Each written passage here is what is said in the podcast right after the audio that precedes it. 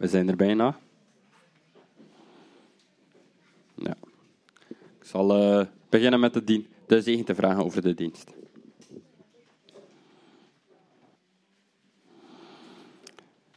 Grote en sterke God, u bent waardig om geprezen te worden en dat zullen we ook doen, deze dienst. U bent waardig om over uh, geleerd te worden en dat zullen we ook doen met, met Jan. Wilt u deze dienst in uw hand houden? Wilt u aan ieder van ons uw liefde tonen en uh, zodat wij ook uw liefde kunnen beantwoorden met onze liefde? Heer, wilt u genieten van deze dienst um, en mogen uw naam geprezen worden, Heer. Amen. We zullen eerst beginnen met de mededelingen. Ik ben mijn briefje daar vergeten. Sowieso het, uh, op het briefje, de eerste lijn voor volgende diensten, info, die is verkeerd. Uh, moest je wel willen weten wat volgende dienst, uh, wie de dienstleiding heeft en wie de preek heeft. Van achter ligt altijd uh, de kalenderplanning. Je kunt daar altijd eens kijken. Ehm, Rut heeft een aantal dingen te zeggen. De flyer die op jullie stoel lag, smijt die niet gewoon weg.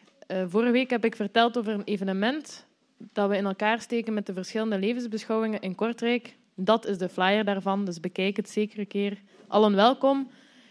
Als er mensen zijn die voor 7 november nog taart of cake willen bakken voor na de kinder-opdraagdienst, is dat ook welkom. We zullen ook soep voorzien voor zij die iets warms willen. En tot slot, de tieners mogen straks met mij meegaan, want ik zal de tiener lesgeven. En jij mag met iemand anders meegaan. Is het goed?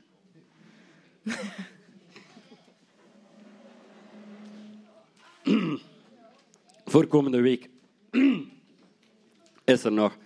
Uh, morgen is er bedstonde hier in de kerk om 7.30 uur. En vrijdagavond bij Kurt is het jeugd om 7 uur. Om 7 uur. Dus alle jeugdigen of mensen die zich nog jeugdig voelen, mogen daar naartoe gaan. Uh, Danny, Danny, nog iets te vertellen? Danny?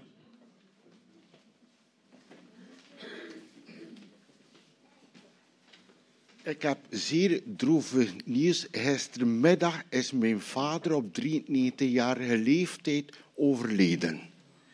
Ik dank u allen voor jullie gebeden, jullie meeleven.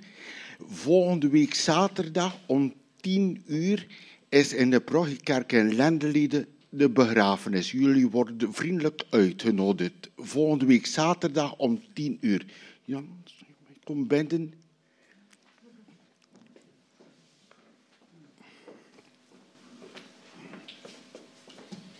Oké, niet. Vader, we danken u, Heer, dat we voor elkaar zorg mogen dragen. Heer, we dragen ook Danny en Hans en familie aan u op, Heer, voor het verlies van zijn vader. We bidden dat u hem ook hem wilt sterken en leiden, Heer. Dat u hem ook deze week de moed en de kracht geeft, Heer, om in dit alles dat ja, verdriet te kunnen uh, dragen, Heer. We danken u voor Danny, Heer, en wilt u hem ondersteunen. In de naam van Jezus vragen we dat. Amen. Amen. Dank u. Sterk. Ja.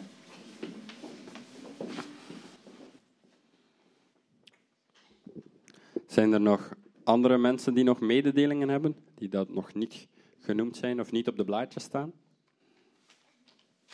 Doorlees de blaadjes ook goed. Uh, er staan ook altijd een hele race gebedspunten op. Die kunnen zeker meenemen deze week.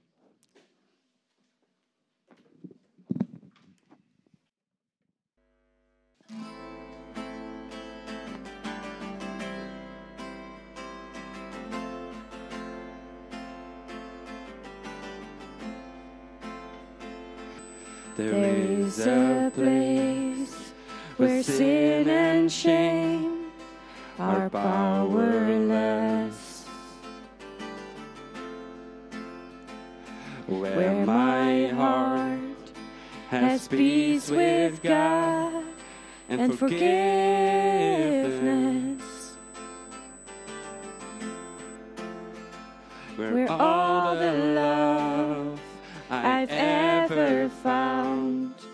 Comes like a flood, comes flowing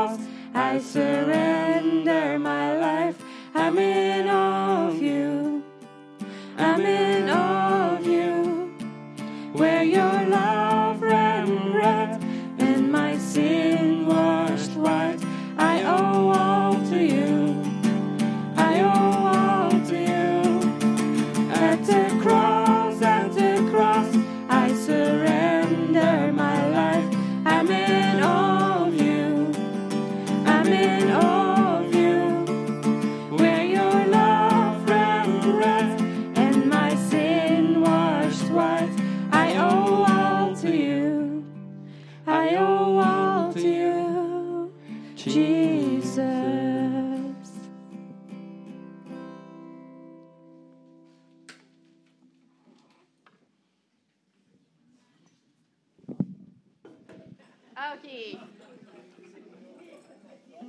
We gaan zien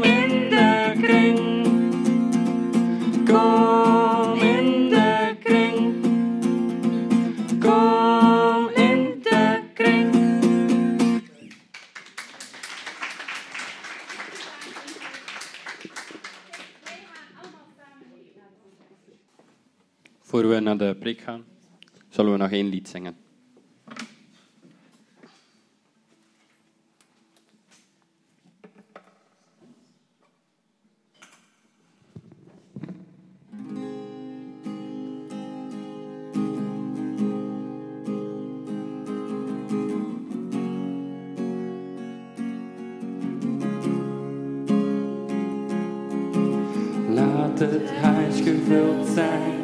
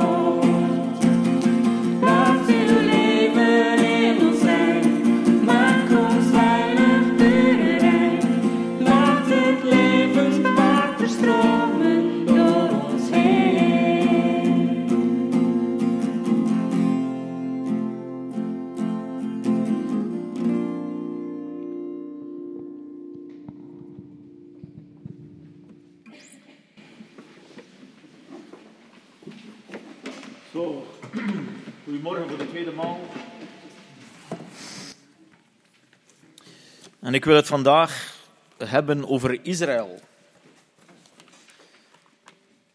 Een beetje geschiedenis en een beetje toekomst over Israël. Omdat het in de kerken normaal gezien in oktober, de eerste maand van oktober, altijd Israël zondag is. Omdat de kerken dan in het algemeen de mensen een beetje willen wakker maken om te bidden voor Israël. Want zoals we weten is Israël nog steeds het uitverkoren volk, het uitverkoren land. En straks komt Jezus daar terug, maar ook het vrederijk van Jezus Christus komt daar. Maar vooraleer ik uh, wil beginnen, wil ik eerst de zegen vragen. Vader, we danken u, Heer, dat wij hier mogen samen zijn, rondom uw naam, de enige, de waarachtige en de levende naam. Uw naam, Heer, die u zich hebt openbaard als de God van Abraham, Isaac en Jacob. En we danken u dat we deze morgen ook mogen samen met broeders en zusters u eren door onze liederen. Dat we mogen luisteren naar uw woord, Heer die voor ons een inspiratie mag zijn, die ons doet leven, die ons hoop geeft. Heer, wilt u dan ook mij gebruiken door uw Heilige Geest mij te werken, zodat ook wij allen opgebouwd mogen zijn door uw woord, Heer. Amen. Als we denken aan Israël, als ik nu de vraag zou moeten stellen aan jullie, Israël, wat roept dat bij jullie op? Dan zouden sommigen zeggen, ja, het is het land van de Bijbel. Of misschien zijn we daar op reis geweest en hebben daar fantastische dingen gezien. We hebben daar gelopen waar Jezus liep. Maar als we naar het nieuws kijken, als we moesten vragen aan de mensen die niet gelovig zijn, dan zou Israël voor hen oproepen conflicten, oorlogen, bezette gebieden, ruzie met de Palestijnen en bijna met de rest van de wereld, laat ik het zo zeggen.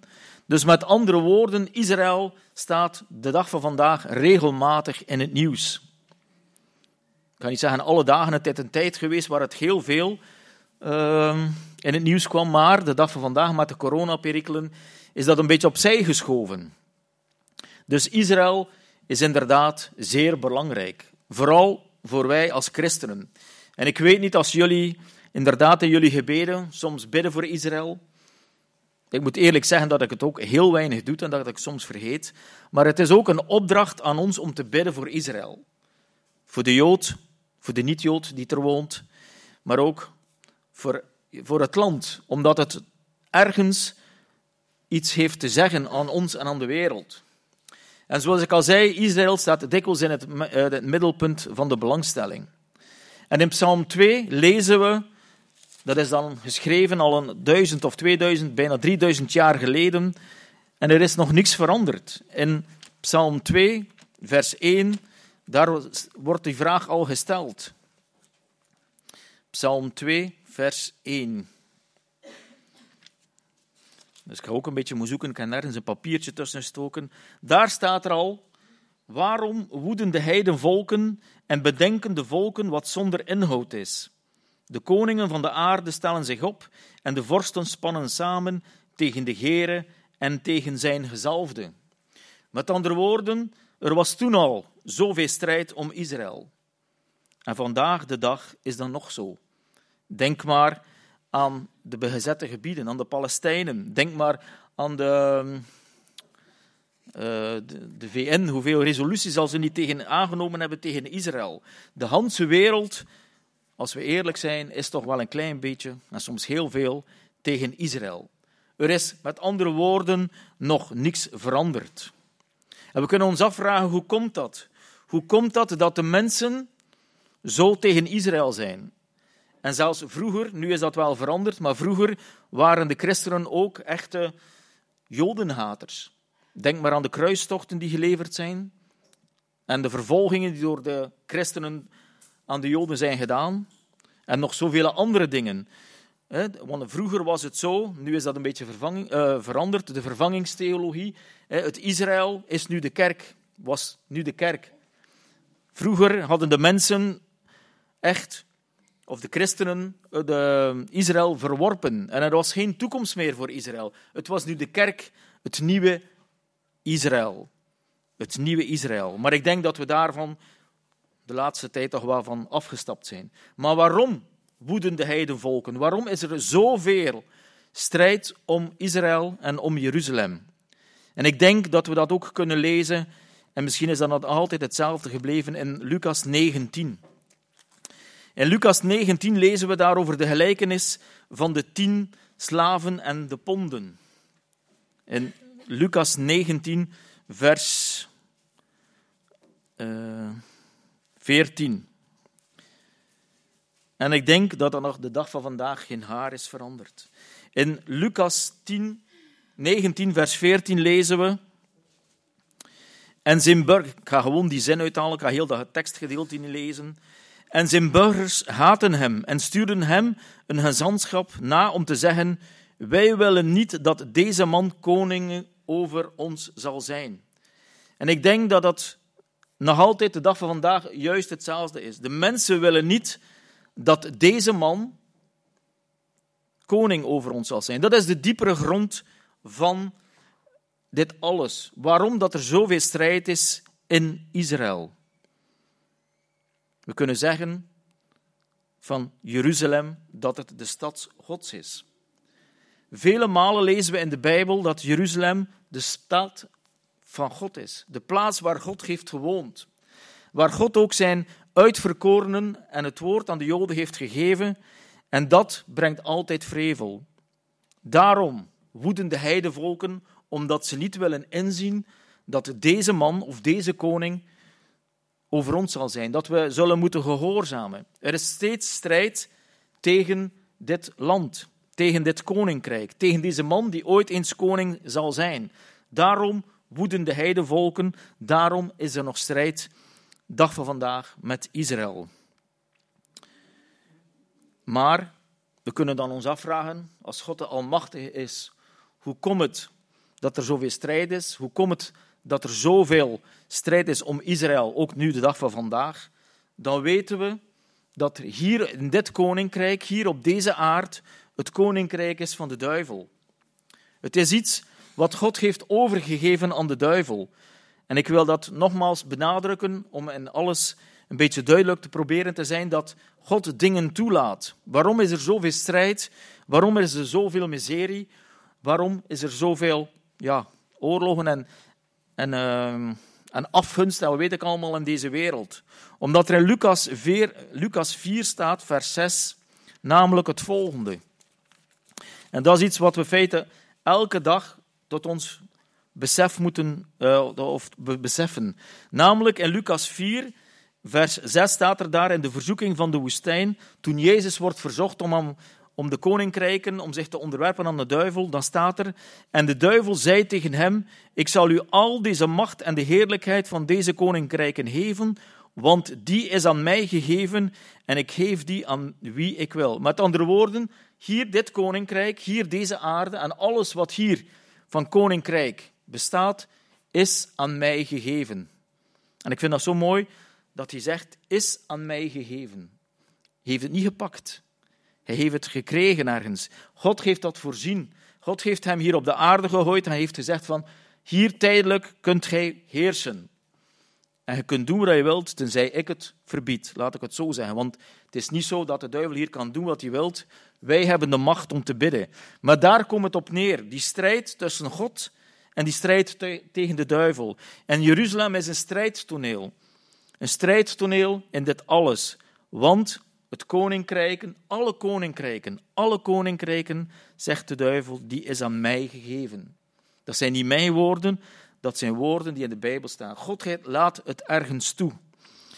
Israël. Ik weet niet hoe jullie daarover denken, maar als ik iets hoor of iets lees over Israël, dan ben ik over het algemeen, we gaan nu weer, ehm, een klein beetje bewogen. Het raakt mijn hart aan, omdat ik weet dat Israël terug een toekomst heeft. En omdat ik weet dat alles, maar dan ook alles wat wij hebben, of dat ik heb en jullie, de Bijbel, door Israël en door de Joden is uh, ontstaan. Want God heeft begonnen met Israël. Hij heeft het woord gegeven aan Israël. En we lezen, als we de Bijbel lezen, dan lezen we bijna drie vierden over Israël. Het zijn Joodse mensen. Het Oude Testament gaat over Joodse mensen. Het Nieuwe Testament gaat over Joodse mensen. En een paar brieven zijn gericht aan ons heidenen. Maar het grote deel van de Bijbel is in beslag genomen of toegeschreven of geschreven door de Jood. De Jood vandaag. De Jood morgen. En dat, denk ik, is belangrijk om eens onder de aandacht te brengen. Namelijk dat Israël de dag van vandaag nog zo belangrijk is. En dat wij als evangelische christenen ook mogen bidden voor Israël. Het is een enorm land. Als je ziet welke veranderingen er in, in 1948 is dat gesticht, dus in 50, pakt in 70 jaar tijd, welke veranderingen er zijn ontstaan in dat land, dan kunnen we niet anders zeggen dan de zegende scheren of de ogen van God zijn nog steeds op Israël. Maar nu, nu wil ik eens een citaat aanhalen en ik weet niet of het juist is, maar in ieder geval, een groot staatsman heeft ooit eens gezegd of gevraagd aan een predikant, geef mij een keer in enkele woorden het bewijs dat God bestaat. Dat is natuurlijk een zeer moeilijke vraag. Geef een keer in enkele woorden het bewijs dat God bestaat. En die man die dacht na en die zei, majesteit, de Joden. De Joden zijn een bewijs dat God bestaat. En knoop dat goed in je oren, ik hoop, want bij mij heeft dat soms ook wel gewerkt. Als ik in een moeilijke periode zit, als ik, als ik soms ongeloof had, als ik soms twijfelde, vroeger, nu is dat al heel wat minder, maar toen dacht ik aan de Joden. Toen dacht ik wat Israël de dag van vandaag betekent en hoe dat Israël is ontstaan. God heeft zijn volk nog niet verlaten. God is nog bezig met dat volk, ook al zien ze het niet. En ook al is het niet altijd zoals het de Bijbel het wil, maar er is iets in beweging gezet. En als we één ding zeker weten, God bestaat, want Israël bestaat. En hij is bezig om zijn plan terug te, te volvoeren. Die geestelijke opleving, die moet nog komen. Maar die zal komen, want God is getrouw. God zegt in zijn woord dat hij dat zal doen. Maar om uh, kort te zijn, wil ik toch nog wel enkele dingen zeggen over Israël. Want ik denk, ik weet soms niet hoe wij denken over Israël. In, wereldwijd zijn er 15 miljoen Joden. Wereldwijd, dat is niet zoveel, vind ik. Dat is evenveel of een beetje meer of België. Waarvan er 6 miljoen en zoveel in Israël wonen en de rest over Hans de wereld. En het grootste deel natuurlijk in de VS. Maar weten jullie dat er in Israël Palestijnen wonen en niet een klein beetje, maar een bijna een derde van de bevolking, 1.919.000 Palestijnen wonen in Israël. En wie zijn die Palestijnen? Dat zijn mensen die ook in Palestina toen woonden, toen de staat Israël in 1948 werd gesticht. Dat zijn niet deze die weggevlucht zijn onder druk van de Arabieren, omdat ze dachten, we gaan hier dat land met een oorlog in 1948 terug wegdoen. Dat zijn mensen die gebleven zijn. En ze noemen zich Israëlische Arabieren of Palestijnse burgers van Israël. Dus als jullie informatie krijgen over de Palestijnen, dan zijn dat niet allemaal vijanden van Israël. Er zijn er die heel, een hele groep mensen die leven in Israël. Die zelfs een eigen partij hebben. En met 15 zetels. Die samen met de Palestijnse en Israëlische burgers een een politieke partij hebben. Ik weet niet of jullie dat wisten, maar zo democratisch is Israël. Dat Arabieren in Israël iets te zeggen hebben. In geen enkel Arabisch land, denk ik, ben ik bijna zeker, is het omgekeerd. Geen enkel Jood zal ergens in een Arabisch land in het parlement zitten. Alleen in Israël gebeurt dat. Wonderlijk, wonderlijk. En die Palestijnen, die al die andere Palestijnen, die in de bezette gebieden leven of die door Hamas worden onderdrukt. Dat zijn mensen die in de tijd, toen in 1948 Israël werd gesticht, zijn ontvlucht. En in plaats van opgenomen te worden in de Arabische landen, hebben de leiders van die tijd ze apart gezet. Hebben ze ergens een middel gevonden om Israël onder druk te zetten. Want we horen elke dag, niet elke dag, maar toch veel, van die Palestijnse gebieden. van eh, de Ham- Hamas of de Gaza-strook en de bezette gebieden rond Jeruzalem en eh, een deeltje van Palestina. Dus die mensen leven daar echt bekrompen. En als je dan documentaires ziet, dan zie je, kun, je werkelijk compassie hebben met die mensen, medelijden. En het beeld van de wereld toont inderdaad die arme Palestijnen. Ze worden verdrukt door hun eigen leiders. En de wereld wil ergens de Palestijnen in een goed daglicht zetten, want zij zijn de sukkelaars. En die, en die eh, bezetters, de Joden, worden in een, slacht, in een slecht daglicht gezet. Het is de, dag van vandaag nog niet anders. Er is nog altijd oorlog. De, de volken woeden nog altijd om Israël. Nog altijd. Er is nog niets veranderd.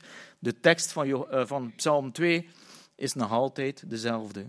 Zij moeten die man niet als koning. Ze willen geen heerschappij. Ze willen zich niet onderwerpen aan dat er straks eens een koning zal zijn over Israël. Daar komt het geestelijk op neer. De mens die zich niet wil laten onderwerpen.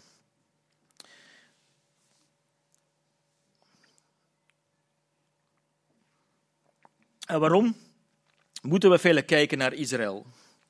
Waarom is het zo belangrijk? Zoals ik al heb gezegd, als we de Bijbel lezen, dan is Israël, we lezen het bijna op iedere bladzijde, hoe God met dat volk weg op, op weg is gegaan, maar ook hoe dat God zich heeft geopenbaard door dat volk.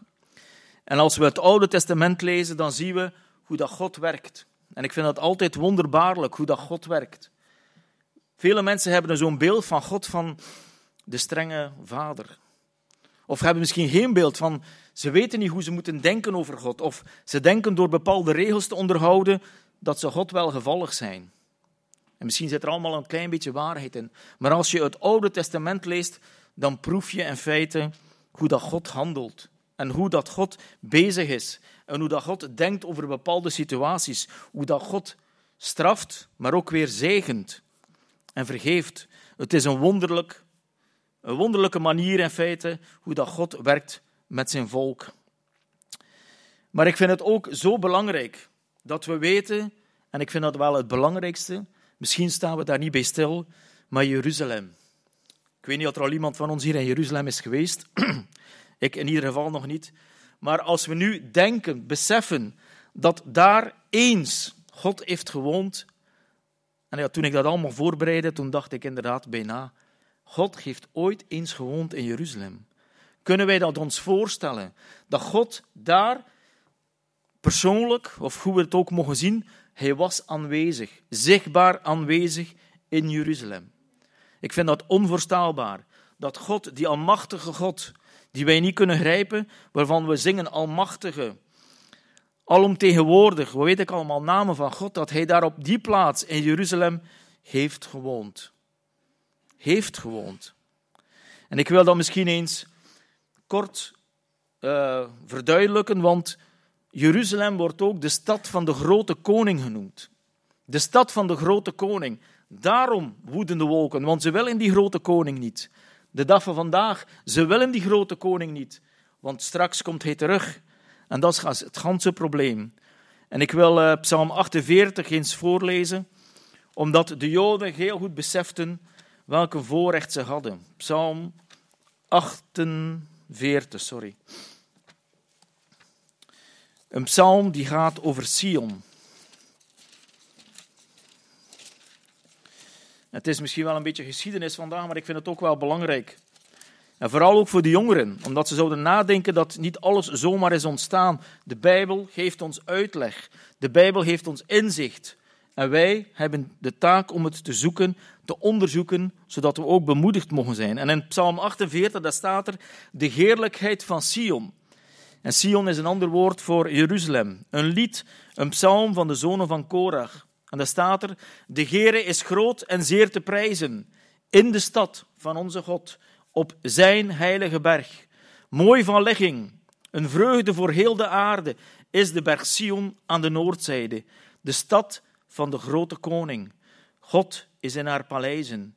Hij is er bekend als een veilige vesting. Welke voorrecht en welke bemoediging, welke zegen was dat niet toen Salomo de tempel bouwde en dat God daar kwam inwonen. Wij kunnen ons aan de dag van vandaag niet meer inbeelden, maar een plaats gaan waarvan dat je werkelijk weet, God is daar. God woont in ons hart, door de Heilige Geest. Daar ben ik van overtuigd, omdat juist ook het woord van God dat zegt. Maar toen was het duidelijk, heel nadrukkelijk, God woonde daar. En ik wil uh, dan nogmaals benadrukken, de stad van de grote koning. Als we Jeruzalem horen of zien op het nieuws, dan moeten we denken, de stad van de grote koning. Het werd toen genoemd, en in de profetieën van het, van het Oude Testament blijven nog altijd de stad van de grote koning. Ik denk, we hebben vandaag ook gezongen het nieuwe Jeruzalem. Jeruzalem, die al misschien 3000 jaar bestaat, zal straks in de toekomst terug de stad zijn van de grote koning. Vandaag de dag mogen we beseffen dat God werkelijk leeft. Maar Jeruzalem, hoe komen we aan die naam Jeruzalem? Wie heeft die naam of wie heeft die stad gesticht? Niet de Joden. En ik wil het ook wel duidelijk maken: niet de Joden. De Joden hebben niet de stad gesticht. Ze hebben de stad ingenomen van de Jebusieten. David heeft de stad ingenomen van de Jebusieten. Voor de mensen die geïnteresseerd zijn, die kunnen dat lezen in 2 Koningen 5, vers 6. David neemt de stad over van de Jebusieten, maakt er zijn eigen stad van en op die plaats heeft hij het voorrecht of het verlangen om voor God een tempel te bouwen. We weten allemaal vanuit het Oude Testament dat God woonde in de ark, in die kist. Zelfs toen al, in het Oude Testament, voordat de tempel er was, voor de naam Jeruzalem ergens bekend werd, was geworden, in de tijd van Mozes en Jozua, woonde God bij zijn volk, in de tabernakel, in de tenten. Maar nu had David echt een verlangen om, uh, om, om, een, om een gebouw te maken. En dat krijgt hij ook. Dat wordt ook gebruikt. Hè. De oude klaagmuur in het Jeruzalem van vandaag is nog een overblijfsel van de bouw van de tempel, van de oude tempel. En ik wil toch wel eventjes benadrukken welke voorrecht die mensen hadden toen ze, toen ze God, of toen, we, toen ze ervaren dat God bij hen kwam. Ik ga 1 Koningen 8, vers 11 lezen, omdat ik, dikwijls, omdat ik duidelijk wil benadrukken dat God werkelijk woonde bij zijn volk. En hoe belangrijk het is als we iets horen over Jeruzalem, dat we terugdenken. Want het is niet zomaar dat het allemaal gebeurt, de hele wereldgeschiedenis. Het is niet zomaar dat Jeruzalem weer gesticht wordt in 1948. Het is natuurlijk, het was een nationaal verlangen van de Joden, maar ergens is het allemaal tot het ene doel, namelijk de grote koning. De stad van de grote koning, daar zal hij weer heersen en de volken richten. In 1 Koningen 8, vers 11. Hoop dat ik het hier juist heb. Ah, ja. In 1 Koningen, uh, 1 Koningen 8, vers 10 ga ik lezen. Dus daar heeft Salomo de tempel gebouwd en nu de ark, die naar herens de houten kist was, was naar herens ergens anders. Nu wordt de, de kist, de ark, overgebracht naar de tempel. En wat gebeurt er? Wat lezen we daar? In 1 Koningen 8, vers 10. En het gebeurde toen de priesters uit het heiligdom gingen, dat de wolk het huis van de Heere vervulde. Een wolk, van het, een wolk vervulde het huis van de, uh, de tempel. En vanwege die wolk konden de priesters niet blijven staan om dienst te doen, want de heerlijkheid van de Heere had het huis vervuld. Kunnen we dat indenken? Welk een voorrecht hadden die mensen niet dat ze werkelijk zichtbaar door een wolk, een, een, ja, iets mysterieus in feite, maar ze wisten de heerlijkheid van de Heere had het huis vervuld. Ik denk, als we toen in die tijd hadden geleefd, welke eerbied en welke ontzag hadden we niet op dat moment. Welke belevenis moet dat niet geweest zijn om dat te mogen meemaken, dat die almachtige God, oké, daar in die tempel kwam wonen. Soms hebben we nodig aan rituelen. Soms hebben we nodig aan dingen omdat het ons meer inzicht heeft over de dingen van God en ons een dieper besef geeft van wat is dat? Hier in deze plaats, hier had Salomo en allen die bij de tempel waren, Hans het volk, die heerlijkheid van God mogen proeven of mogen zien. dat God daar werkelijk in het huis kwam. God, de Almachtige. Ik weet niet hoe jullie daarover denken, maar toen ik, ik zeg het, toen ik het voorbereidde, dat is onvoorstelbaar. Ongelooflijk. En toch is het nog zo. De dag van vandaag staat die muur, de oude klaagmuur, nog altijd in Jeruzalem. Maar, jammer genoeg, maar. De tempel is verwoest. Nebukadnezar heeft de tempel verwoest. In 2 Koningen 25 lezen we dat. Waarom, kunnen we ons afvragen. En ik wil daar een stukje van uit, uit voorlezen, omdat het toch ergens ook weer een besef geeft van dat de Satan er alles zal aan doen. Natuurlijk, God laat het ergens toe om alles wat van God is en alles wat met God te maken is, af te breken. En in 2 Koningen. In 2 Koningen 25 lezen we: Nebukadnezar verwoest Jeruzalem. Hij verwoest Jeruzalem. En daar lezen we, en ik ga het toch ergens voorlezen omdat ik het ook wel zeer belangrijk vind. In 2 Koningen 25 vanaf vers 9 ga ik lezen. Hij verbrandde het huis van de Gere, het huis van de koning en alle huizen van Jeruzalem. Ja, alle huizen van de aanzienlijken verbrandde hij met vuur. Het gele, het gele leger van de Haldeën, dat de bevelhebber van de lijfwacht bij zich had, brak de muren rondom Jeruzalem af. De rest van het volk dat in de stad was overgebleven en de overlopers die waren naar Babylon gelopen. En nu vanaf vers 13. En de koperen pilaren in het huis van de Heere, en de koperen pilaren die in het huis van de Heere waren, de onderstellen en de koperen zee die in het huis van de Heere waren, braken de Haldeeën stuk. Het koper daarvan voerden zij naar Babel. Ook namen zij de potten, de scheppen, de messen, de offerschalen en alle koperen voorwerpen waarmee men de dienst mee deed mee. De bevelhebbers van de lijfwacht nam de vuurschalen, de springbekkens mee en al wat geheel van hout en geheel van zilver was. De twee pilaren, de ene zee en de onderstellen die Salomo voor het huis van de Heer gemaakt had, het koper van al deze voorwerpen was niet te wegen. En de hoogte van een pilaar was 18 el en het kapitool daarvoor was van koper. De hoogte van het kapiteel was 3 el, het vlechtwerk en de granaatappels rondom op het kapiteel waren helemaal van koper. De andere pilaar had eveneens een vlechtwerk. Met andere woorden, we kunnen ons dat niet inbeelden, het was iets machtig mooi, die tempel. En God laat het toe. Alles wordt verwoest. Alles wat te maken had met de heilige dienst van de priesters om het volk, uh, om God te dienen, werd meegenomen naar Babel. Het grote Babylon, het, de stad in feite van de antichrist noem ik dat. Dit alles werd verwoest. Alles werd verwoest. Israël, die, die een paar honderd jaar tevoren had gezien dat God daar bij hen woonde, moest nu toezien dat alles verwoest en weggenomen was. Wat een contrast, wat een teleurstelling en welk een ondergang van zo'n machtig volk. Hoe kan dat gebeuren? Hoe komt dat nu dat God dat toelaat? Of kunnen we zeggen, ja, God kon er niks aan doen, want de duivel heeft, heeft de macht over, over dit alles. Het is de duivel die alle koninkrijken hier op aarde heeft. En hij laat toe. God staat boven alles. En God laat het toe. God laat het toe. En dat lezen we in Jeremia. Waarom liet God het toe? En dat is ook een les voor ons. Waarom laat God bepaalde dingen toe? En daar lezen we in Jeremia 7 namelijk het volgende. Zie, u vertrouwt op bedrieglijke woorden, die niet van nut zijn. Spelen, uh, spelen stelen. Uh, Jeremia 7 vanaf vers 8.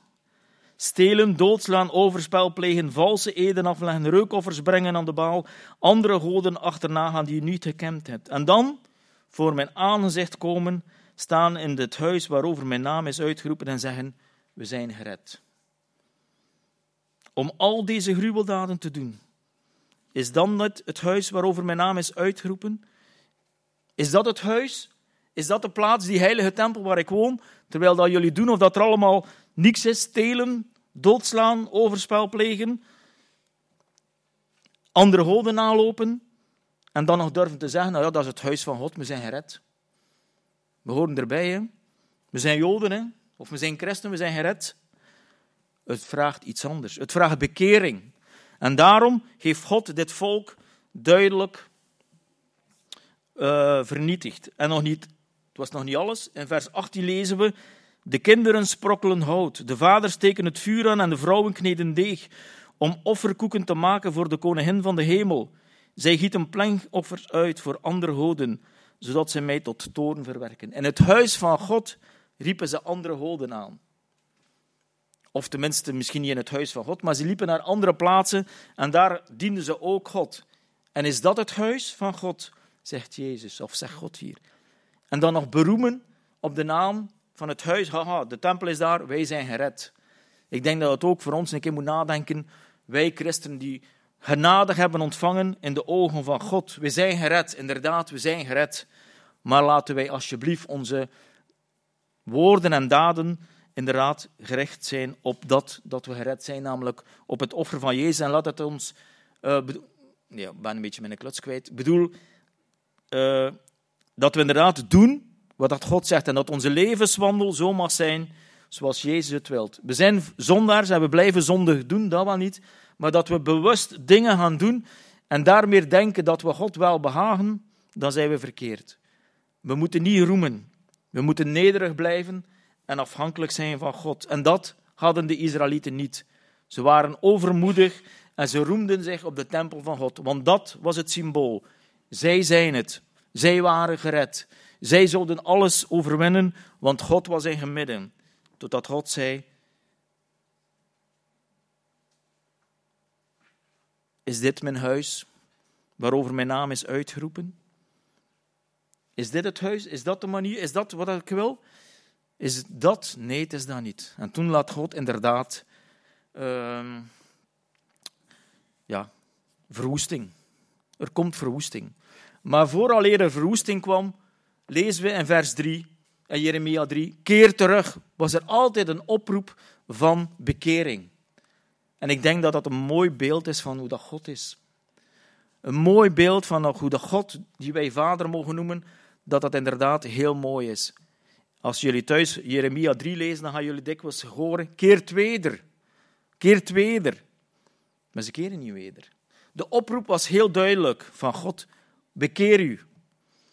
En ik zal alles vergeten en alles wegdoen. Maar ze waren niet in staat om het te doen. Ze wilden niet luisteren, ze wilden niet gehoorzamen. En wat gebeurt er? Dan komt het oordeel. Net zoals vandaag de dag. Voor de mensen die niet willen geloven, die zich niet willen onderwerpen, die inderdaad geen deze man of geen koning, geen heer over hun leven willen, die gaan niet gered zijn. Er is nederigheid nodig, omdat, of tenminste gehoorzaamheid en onderwerping aan God. En dat is het probleem ook van de dag van vandaag. Onderwerping en gehoorzaamheid aan God. Dat was het probleem van de Joden. Die dachten, we zijn gered, maar niet deden wat God vroeg. Dan gaat dat niet samen. Met andere woorden, God is trouw. God is trouw. En dat zien we Hans de Bijbel heen. Denk maar aan Abraham. Aan Genesis belooft hij aan Abraham een groot volk. En is er inderdaad, is de Joden niet een groot volk? Tot een groot volk gemaakt. Je zeggen, 15 miljoen, dat is niet zoveel. Er zijn hier eh, volken of christenen in bepaalde landen met 125 miljoen christenen alleen. Dus de andere bevolking zal misschien een miljard zijn. Maar toch is dat een belofte. Vanuit Abraham, uit één enkel persoon, zijn, de verschillende vol uh, zijn er zoveel mensen ontstaan door de geschiedenis. En denk maar ook aan de, aan de Holocaust. Daar zijn 6 miljoen mensen overleden. En ze hebben een keer berekend, als die mensen allemaal zouden moeten blijven leven, dan waren er misschien nu tussen de 80 en de 100 miljoen Joden. Maar dat is terzijde. Dus God belooft aan Abraham iets en de dag van vandaag zien we dat nog. God beloofde ook een land. Namelijk in Deuteronomium 12 lezende, lezen we vanaf vers 10. Maar u zult de Jordaan overtrekken en gaan wonen in het land dat de Heere, uw God, in uw erfelijk bezit geeft. Ook dat land was niet van hen. Als we ergens, de, ergens, als de Palestijnen kunnen zeggen, het is ons land, misschien wel, kunnen ze dat zeggen, maar God geeft het hun gegeven. God geeft het hun gegeven en Jozua geeft het land in die tijd overwonnen. of ingenomen. En dat was ook een belofte van God. En wat zien we vandaag voor vandaag? Nog steeds dat God trouw is. Hij is trouw aan Abraham, er is een groot volk, en hij is trouw aan zijn belofte dat er eens, dat het land, dat ze eens in het land zullen wonen. Dat hebben ze gedaan. Dat is dan door de tempelverwoesting, driemaal zelfs, zijn ze dan uh, over de wereld uitgestrooid. En de laatste keer is dat gebeurd in 1970. Na Christus is de tempel dan volledig verwoest. En is hij nog niet herbouwd geweest. En zijn de Joden dan overal ter wereld rondgetrokken. En dat staat er ook in Deuteronomium 28, vers 64. De Heer, de Heer zal u verstrooien onder alle naties. Dat is letterlijk een tekst vanuit de Bijbel. Omdat ze niet gehoorzaam zijn. Wat zien we vandaag? We zien vandaag dit. In alle landen, niet in alle landen, maar in vele landen zijn de Joden verstrooid geweest. Het woord van God komt tot uiting, omdat God zijn toorn heeft laten branden onder de Joden. En een gedeeltelijke verharding over de Joden zijn gekomen. Maar de vraag is nu, is er nog een toekomst voor Israël? Of is het gedaan met Israël? Er is nog een toekomst voor Israël. Daar ben ik van overtuigd. Daar ben ik van overtuigd, omdat dat land in feite iets heel bijzonders is.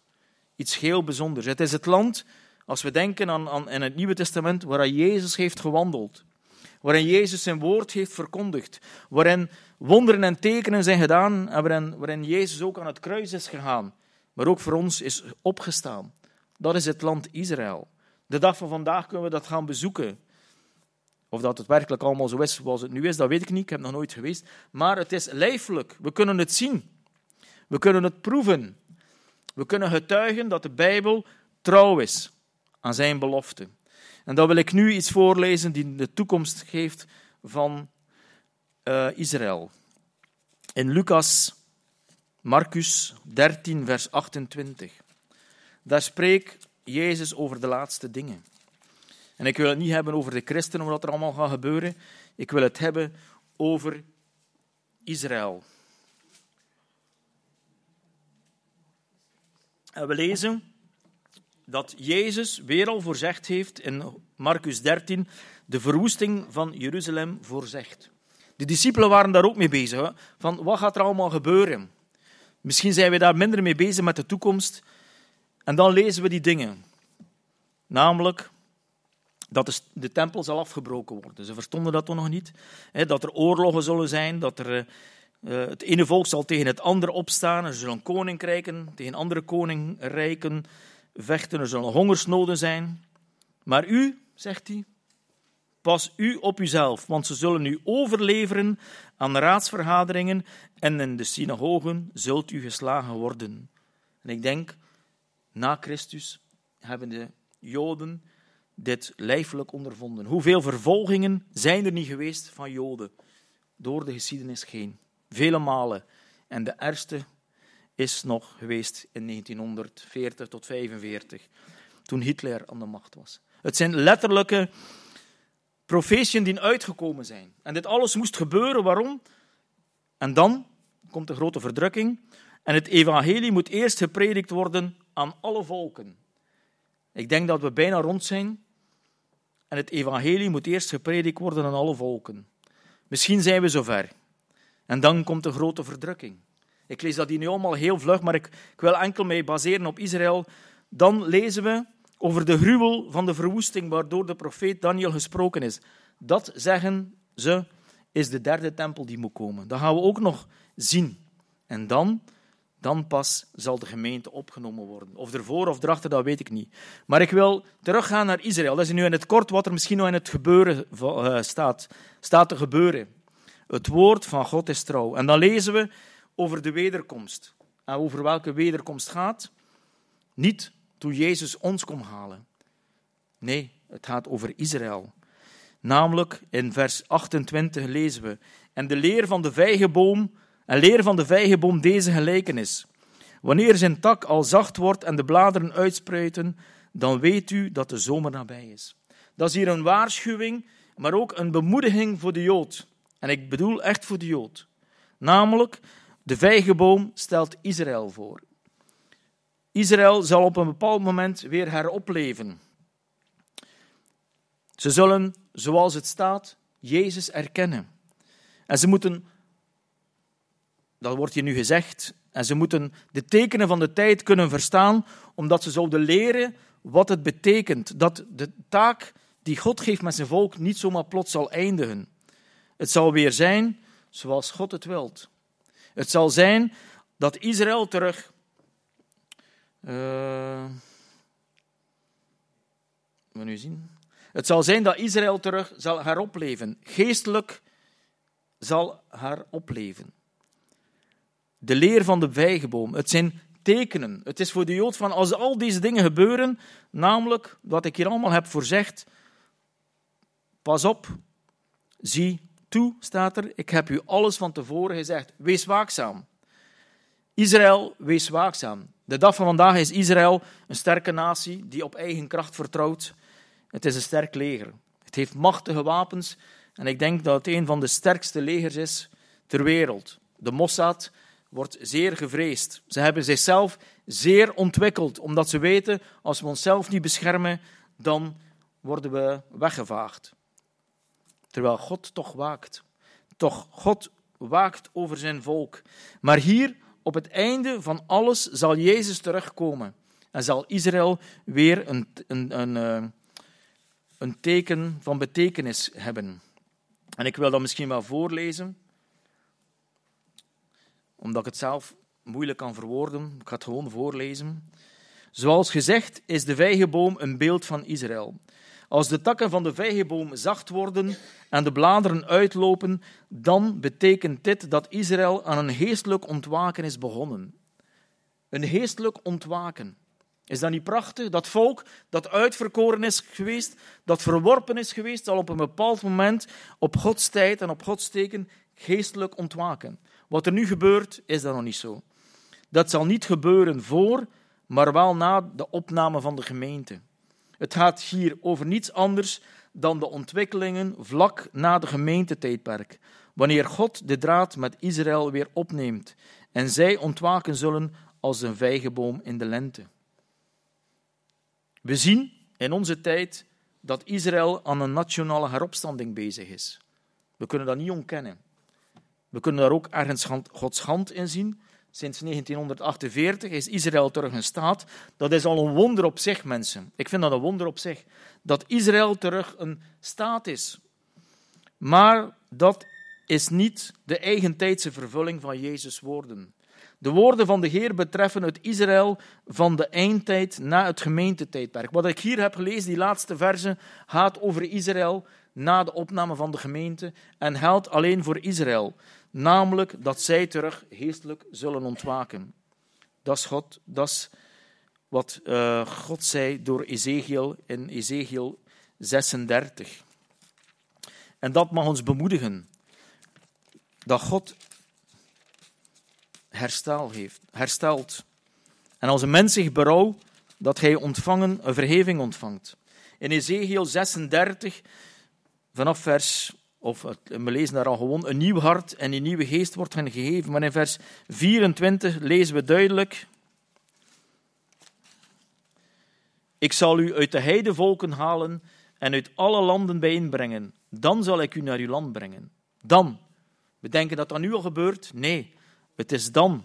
Dan zal ik u een nieuw hart geven, een nieuwe geest in uw binnenste geven. En ik zal het hart van steen uit uw lichaam wegnemen en u een hart van vlees geven. Ik zal mijn geest in uw binnenste geven. Ik zal maken dat u mijn verordeningen wandelt en dat u mijn bepalingen acht neemt en ze houdt. U zult wonen in het land dat ik uw vader gegeven heb. U zult een volk voor mij zijn en ik zal een God voor u zijn. De dag van vandaag zien we dat niet. Er zijn misschien 2% of nog niet toe Messiaanse christenen. Er zijn weinig Joden die Christus liefhebben. Het nationale herstel is inderdaad ook iets wonderlijks. En misschien is het ook, het is ook wel door God bewerkt, dat ben ik zeker, maar het is nog niet die nieuwe geest en die nieuwe opwekking die er zal gebeuren, die geestelijke ontwaken van Israël. Dat zal zeker nog komen. Dat zal zeker komen. Want we lezen ook dat er op een bepaald moment dat er tien mannen de slip van een van een Jood zal vastnemen, omdat ze weten, daar is God te aanbidden, daar in die tempel. Daar zal God terug koning zijn. En daar zal elke knie zich moeten buigen voor de Heer. Israël. Ik hoop dat ik jullie een klein beetje heb kunnen warm maken voor, het, voor Israël.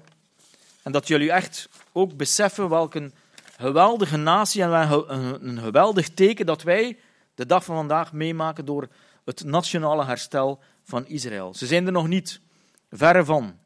Maar God is bezig. En straks, als wij opgenomen zullen worden en als het eh, vrederijk komt, dan zal Israël een getuigenis zijn over deze wereld dat er toch een God is. En dat de mensen zullen verlangen om naar daar te gaan, omdat ze weten, God is daar. God is daar. Ik denk dat het zeer, ik vind het wel uh, verwonderlijk en bemoedigend en fascinerend hoe God dit allemaal in zijn werk houdt. En met die gedachte moeten we ook hier en nu op dit moment leven. God houdt alles in zijn hand. En soms zien we het niet. Soms zitten we in een zwart gat, hebben we twijfels of leven we ons gewoon ons leven. Maar in dit alles, achter dit alles, schuilt God zijn, ja, zijn hand, kan ik zo zeggen. En er staat nog heel wat over te, over, uh, er is nog heel wat over te lezen, maar ik vind het soms ook nog wel een beetje moeilijk. Ik geef dat ook eerlijk toe. Het is niet altijd gemakkelijk om die profetieën te, te kennen. Maar ik denk dat ik een beetje de hoofdlijnen heb willen benadrukken, omdat we toch op ons hart zouden hebben om te blijven bidden voor Israël. Dat geestelijk herstel, dat zal er zeker komen. Op God zijn tijd. Zo, ik wil afsluiten. Heren, we danken u. Heren, we zijn dankbaar, heren, dat gij inderdaad getrouw zijt. En dat uw belofte aan Abraham, Isaac en Jacob nog steeds dezelfde is. Heren, er zijn volken die klamen of claimen dat Israël hun hoofdstad is. Die hun tempel willen bouwen of die er nu staat, Heer. Die roepen, Allah is groot. Heer, eens zal dat alles verdwijnen en zal de Heer, de God van Abraham, Isaac en Jacob, daar aanbeden worden. Heer, op dat moment zien we dat allemaal niet. En zijn we misschien ontgoocheld, omdat die wonderbare God ja, ergens ver weg is in Jeruzalem. Maar vanuit uw woord en uit ervaring mogen we weten, u bent getrouw. En wat u belooft, zult u doen. Heer, wilt u ons ook op het, op het hart geven om te bidden voor Israël. Omdat we dat wonderlijke volk, die nu ja, u nog niet kent en u niet ziet, eens zal mogen terug ja, priesters zijn voor de eeuwige. Heren, we danken u. We danken u, Heren. En ik wil u danken dat wij hier als gemeente ook u mogen dienen. En dat we inderdaad ons leven zo mogen laten leiden door uw Heilige Geest, dat we doen wat u vraagt. En dat we niet ons beroemen op Jezus het offer. En dat we zeggen, door Jezus genade zijn we gered, dat zeker. Maar laat het ons ook niet goedkoop maken, Heer, omdat we onszelf niet bedriegen. Maar laten we de woorden van u ernstig nemen en ons leven toetsen. En vergeef het ons, Heer, als we falen. Want u kent mij, u kent ons, Heer. We zijn zwakke mensen en u weet welk vlees we zijn. Maar Heer, we beleiden, we kruipen recht en we gaan voort in de kracht van de Heilige Geest, omdat we willen u dienen, Heer. U, de enige waarachtige God. Jezus, wij eren u, wij loven u en wij prijzen u. Amen. We zullen nog uh, twee liederen zingen.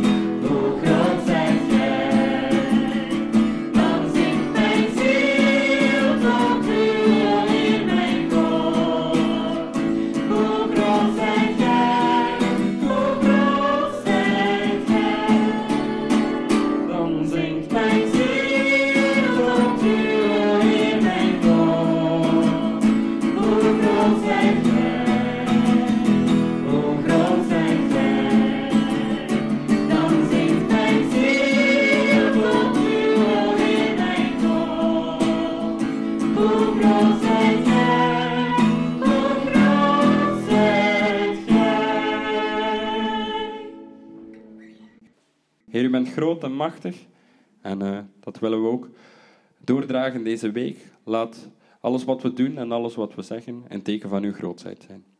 Amen. Nog een fijne zondag.